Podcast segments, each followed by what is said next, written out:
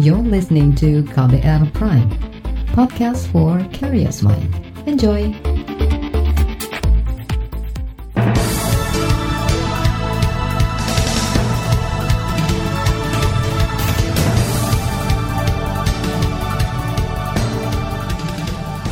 Selamat pagi saudara, senang sekali kami bisa menjumpai Anda kembali melalui program Buletin Pagi edisi Jumat 9 Oktober 2020 bersama saya Agus Lukman.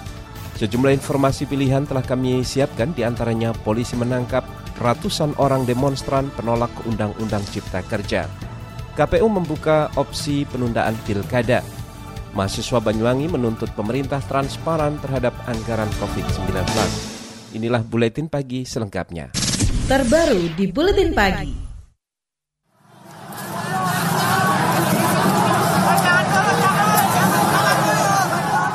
Aksi demonstrasi menolak pengesahan Undang-Undang Omnibus Cipta Kerja diwarnai kerusuhan di berbagai daerah di Indonesia. Di Solo, Jawa Tengah, satu mobil operasional Satpol PP dibakar massa, sementara di Jakarta, halte bus Transjakarta dan MRT di Bundaran Hotel Indonesia, serta pos polisi di Tugutani juga hangus dibakar. Polisi menangkap banyak peserta demonstrasi yang diikuti buruh dan mahasiswa.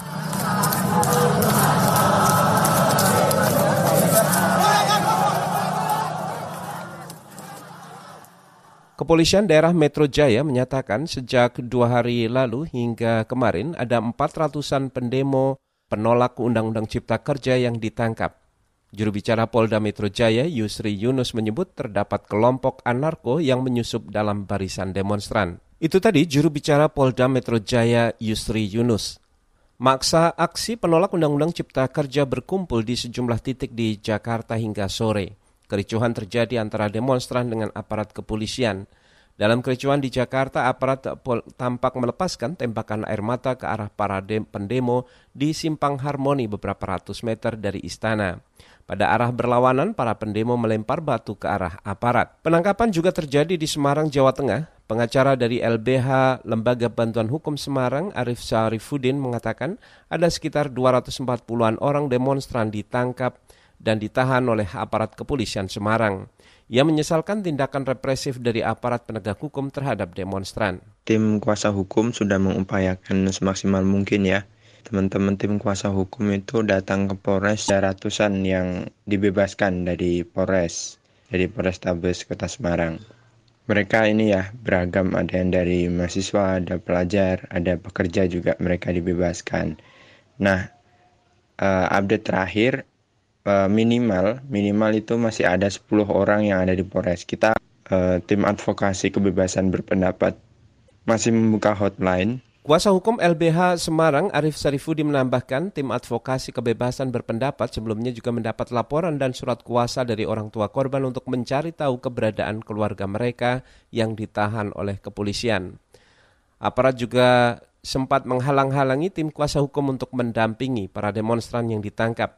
LBH Semarang juga membuka hotline pencarian orang hilang pasca unjuk rasa. Sementara itu, Federasi Buruh Lintas Pabrik FBLP mengecam tindakan kepolisian yang menangkap dan melakukan beragam tindakan represi terhadap peserta aksi demonstrasi. Sekretaris Jenderal Federasi Buruh Lintas Pabrik FBLP Dian Septi Trisnanti menceritakan aksi represi aparat terlihat ketika masa melakukan long march menuju Istana Negara kemarin. Aparat memukul mundur masa dengan menembakkan gas air mata dan tembakan air atau water cannon. Bahkan aparat mengejar demonstran yang tengah berusaha menjauh di sebelah stasiun Gambir. Dian Septi menilai kepolisian belum mengedepankan pendekatan yang humanis saat berhadapan dengan demonstran. Uh, ini membuat kita semakin tidak percaya kepada pemerintah dan kepolisian dan, dan akan memprovokasi aksi-aksi yang lebih besar untuk esok hari dan ke depannya gitu. Jadi tolong hentikan, tolong hentikan. Dan itu kan uh, kenapa? Karena kami sebagai warga negara itu berhak melakukan tasi sebagai bagian dari demokrasi gitu. Jadi stop merepresi apalagi sampai melecehkan anak bangsa. Kecaman juga datang dari Yayasan Lembaga Bantuan Hukum Indonesia YLBHI. Ketua Bidang Advokasi YLBHI Muhammad Isnur mengaku menerima banyak laporan dari LBH di berbagai daerah terkait tindakan represi polisi saat aksi massa dengan cara yang beragam. Saat ini YLBHI tengah mendata laporan dari daerah-daerah. uh, ada banyak bukti-buktinya, video-video dan juga rekaman-rekaman bahwa di lapangan polisi terlihat sangat-sangat represif dan brutal. Tidak berupaya mendekat uh, ke istana, langsung disorot, disemprot dengan water cannon dan kemudian dilempar gas air mata. Sebagai wilayah juga seperti itu kondisinya, dikejar-kejar dan sebagian ada video ya saya yang dipukuli walaupun dalam keadaan yang sudah pasrah, dalam keadaan yang sudah sendirian masih dipukuli juga. Beberapa kami sudah sudah menyiapkan posko paramedis, bahkan posko paramedis pun diserang, dilempari gas air mata dan diserbu gitu. Ketua Bidang Advokasi YLBHI Muhammad Isnur menambahkan selain tindakan represif aparat, YLBHI juga menerima pengaduan soal penangkapan mahasiswa meski belum dimulai aksi demonstrasi. YLBHI meminta Kapolri Idam Aziz memerintahkan anggotanya baik di Jakarta maupun daerah untuk menaati undang-undang, mengikuti undang-undang kepolisian dalam menangani aksi massa dan tidak melakukan tindakan represif. Gubernur Jawa Barat meminta Presiden Joko Widodo menerbitkan Perpu Cipta Kerja. Informasi selengkapnya hadir sesaat lagi, tetaplah di Buletin Pagi KBR. You're listening to KBR Pride, podcast for curious mind. Enjoy!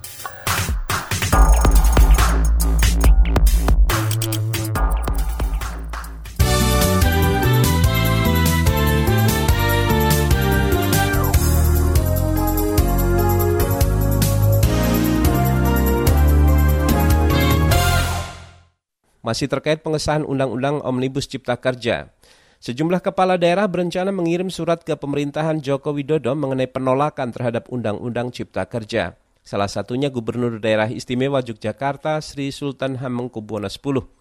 Sultan mengabulkan tuntutan perwakilan buruh yang kemarin berdemonstrasi dan mendatangi Komplek Kepatian Yogyakarta. Tuntutan buruh adalah meminta Presiden Joko Widodo membatalkan Undang-Undang Cipta Kerja. Ya, mereka menyampaikan aspirasinya supaya saya bisa memfasilitasi untuk mengirim surat kepada Presiden aspirasi dari warga masyarakat khususnya warga buruh saya sanggupi dengan surat yang akan ditandatangani gubernur sebagai uh, respon dari aspirasi mereka. Itu tadi Gubernur Yogyakarta Sri Sultan Hamengkubuwono X. Kepala daerah lain yang juga akan menyurati istana adalah Gubernur Jawa Barat Ridwan Kamil. Ridwan Kamil kemarin menemui buruh yang berdemonstrasi di Bandung, Jawa Barat. Ridwan Kamil mengatakan akan segera mengirim surat ke istana meminta Presiden Joko Widodo mengeluarkan peraturan pemerintah pengganti Undang-Undang Cipta Kerja.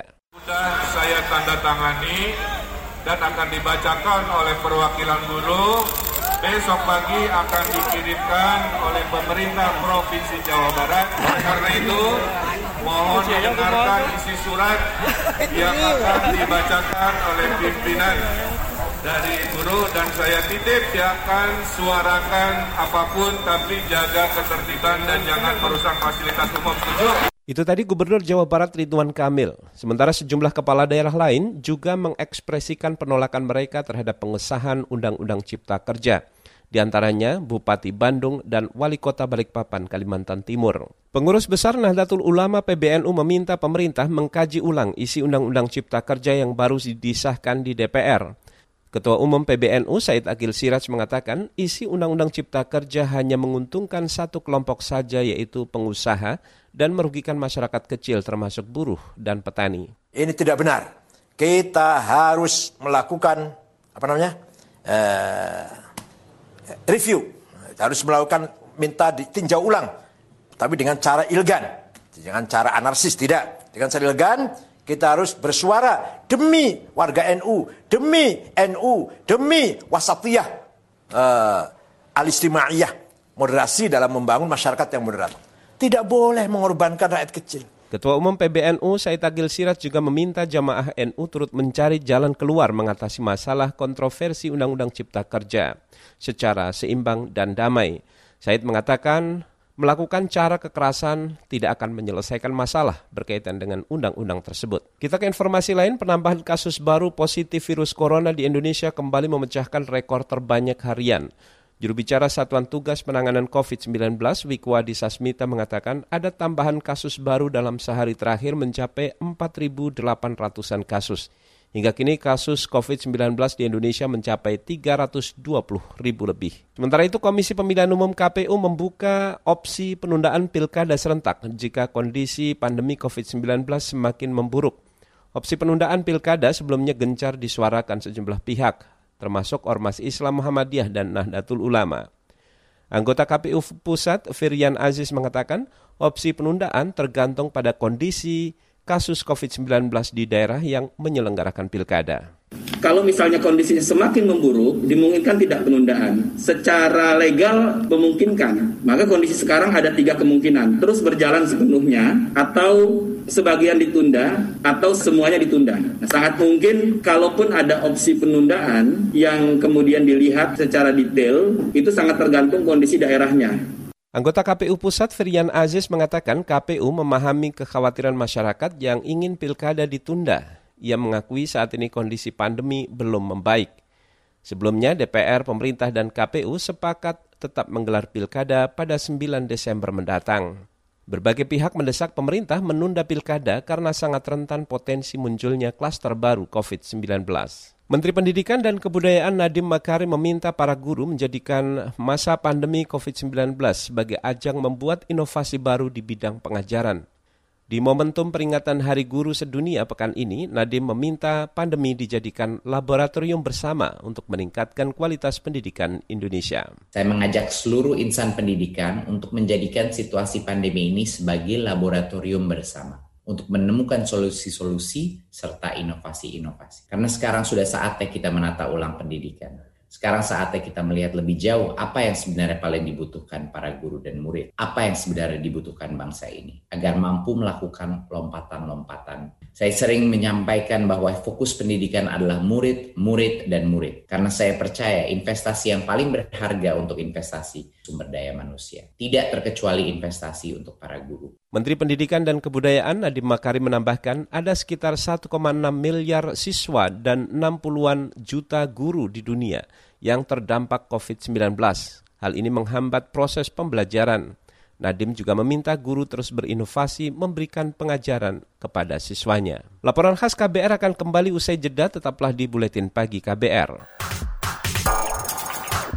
You're listening to KBR Pride, podcast for curious mind. Enjoy!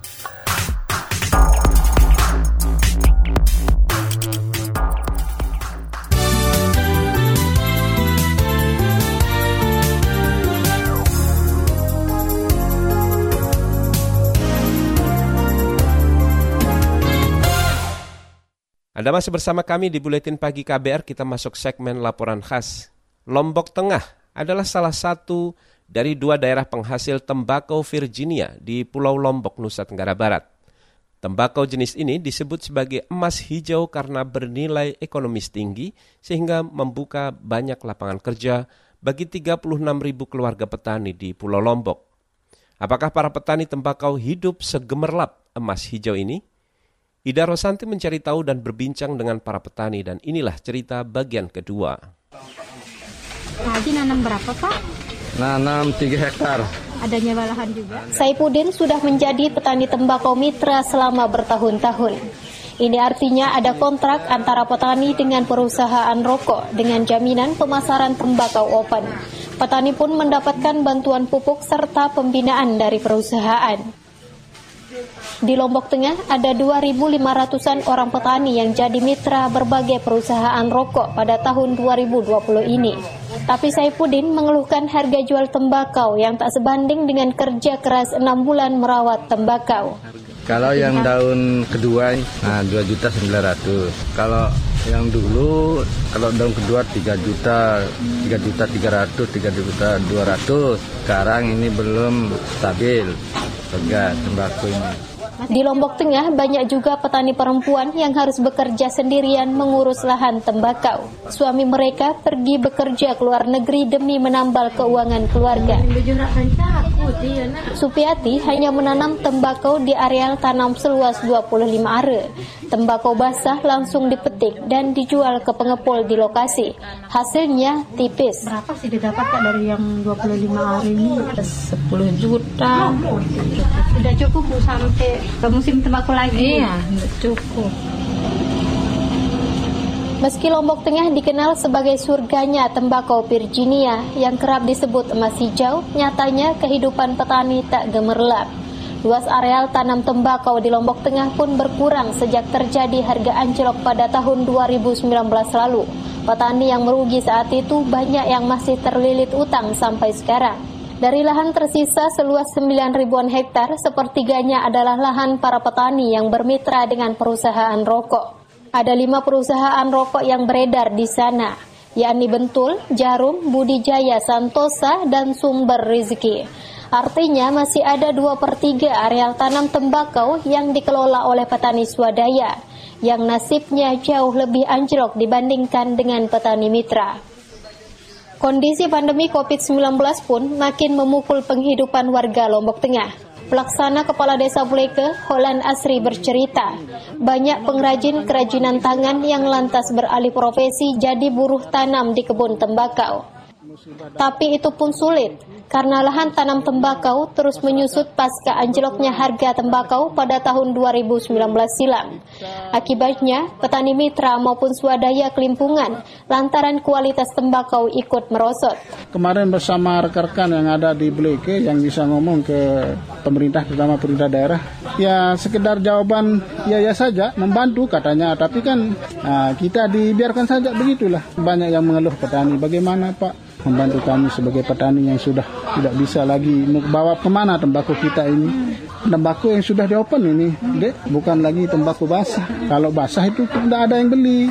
Pemda ini agak Perusahaan rokok pun tengah mengurangi jumlah petani mitra lantaran kuota pembelian tembakau dibatasi dari perusahaan induk.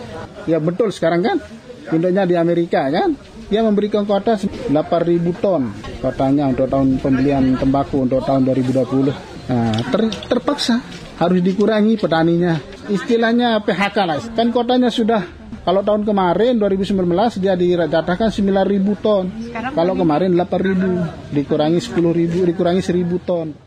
Peneliti yang juga eks petani tembakau, Jopi Andriani, menilai menanam tembakau seperti mengadu nasib. Seperti orang main lotre jadinya. Ya kalau lagi beruntung ya beruntung. Kalau lagi lagi buntung ya buntung. Nah di petani tembakau ini kan ada simbolis yang paling sering digaungkan ada 3M itu mbak. Yang pertama Mekah kalau untung ya. Yang kedua Malaysia kalau rugi. Yang ketiga mati kalau naas mbak. Karena rata-rata petani tembakau ini kan dia agak sedikit ekstrim cara menanamnya mbak. Ada pengusaha tembakau salah satu contoh di tahun 2010 sampai dia memasukkan dirinya itu ke dalam open. Dan bukan hanya satu atau dua itu. Namun petani tembakau di Desa Bleka belum tergerak untuk lepas dari tembakau. Yang mereka tagih adalah negara memperbaiki sistem pemasaran tembakau supaya para petani tembakau tak melulu apes ini kan yang harus jelas dari pemerintah ini harus menyediakan pangsa pasar. Seandainya petani ini disuruh beralih alih tanam ke tanaman yang lain, pangsa pasarnya jelas tidak. Kira-kira apa yang mau ditanami sama petani ini? Demikian Saga KBR. Saya Ida Rosanti, terima kasih sudah mendengarkan. Informasi dari daerah akan kami sajikan usai jeda tetaplah di Buletin Pagi KBR. You're listening to KBR Pride, podcast for curious mind. Enjoy!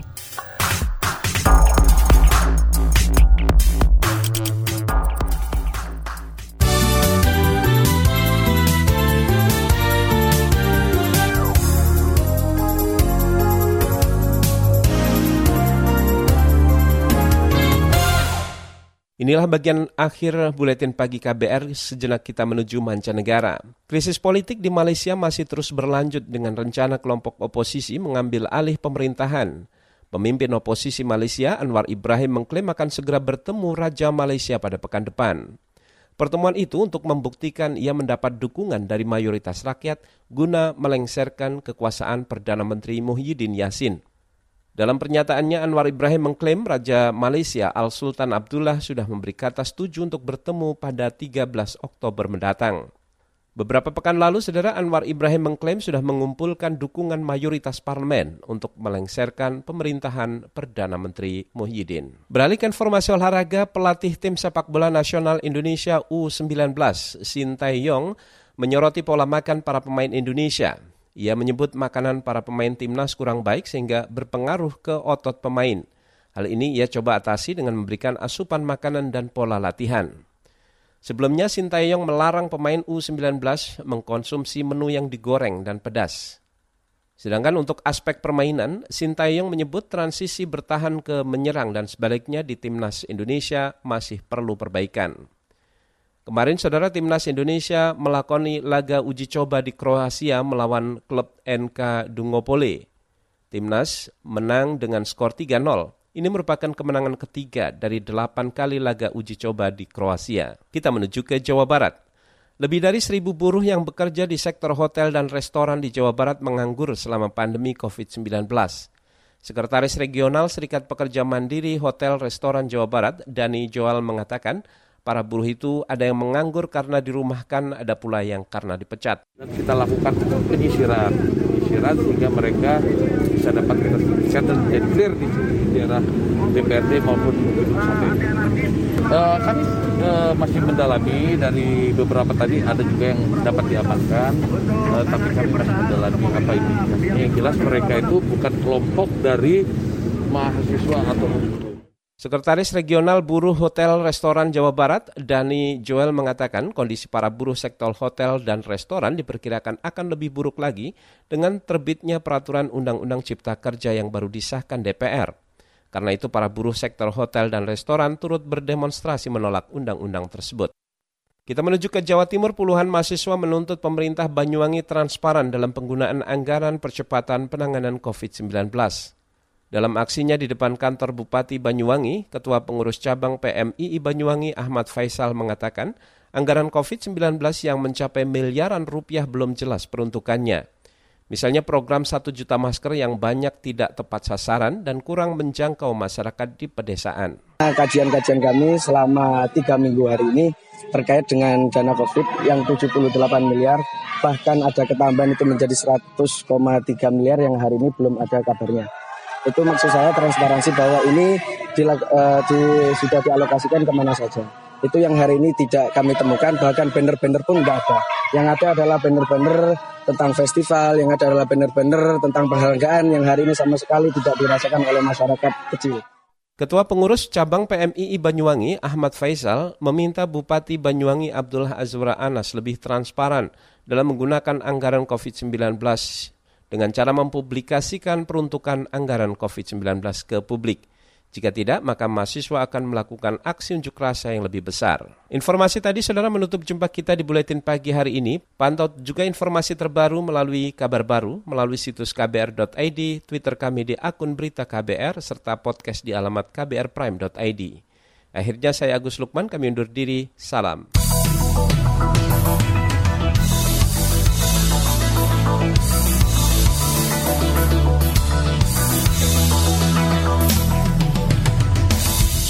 KBR Prime, cara asik mendengar berita. KBR Prime, podcast for curious mind.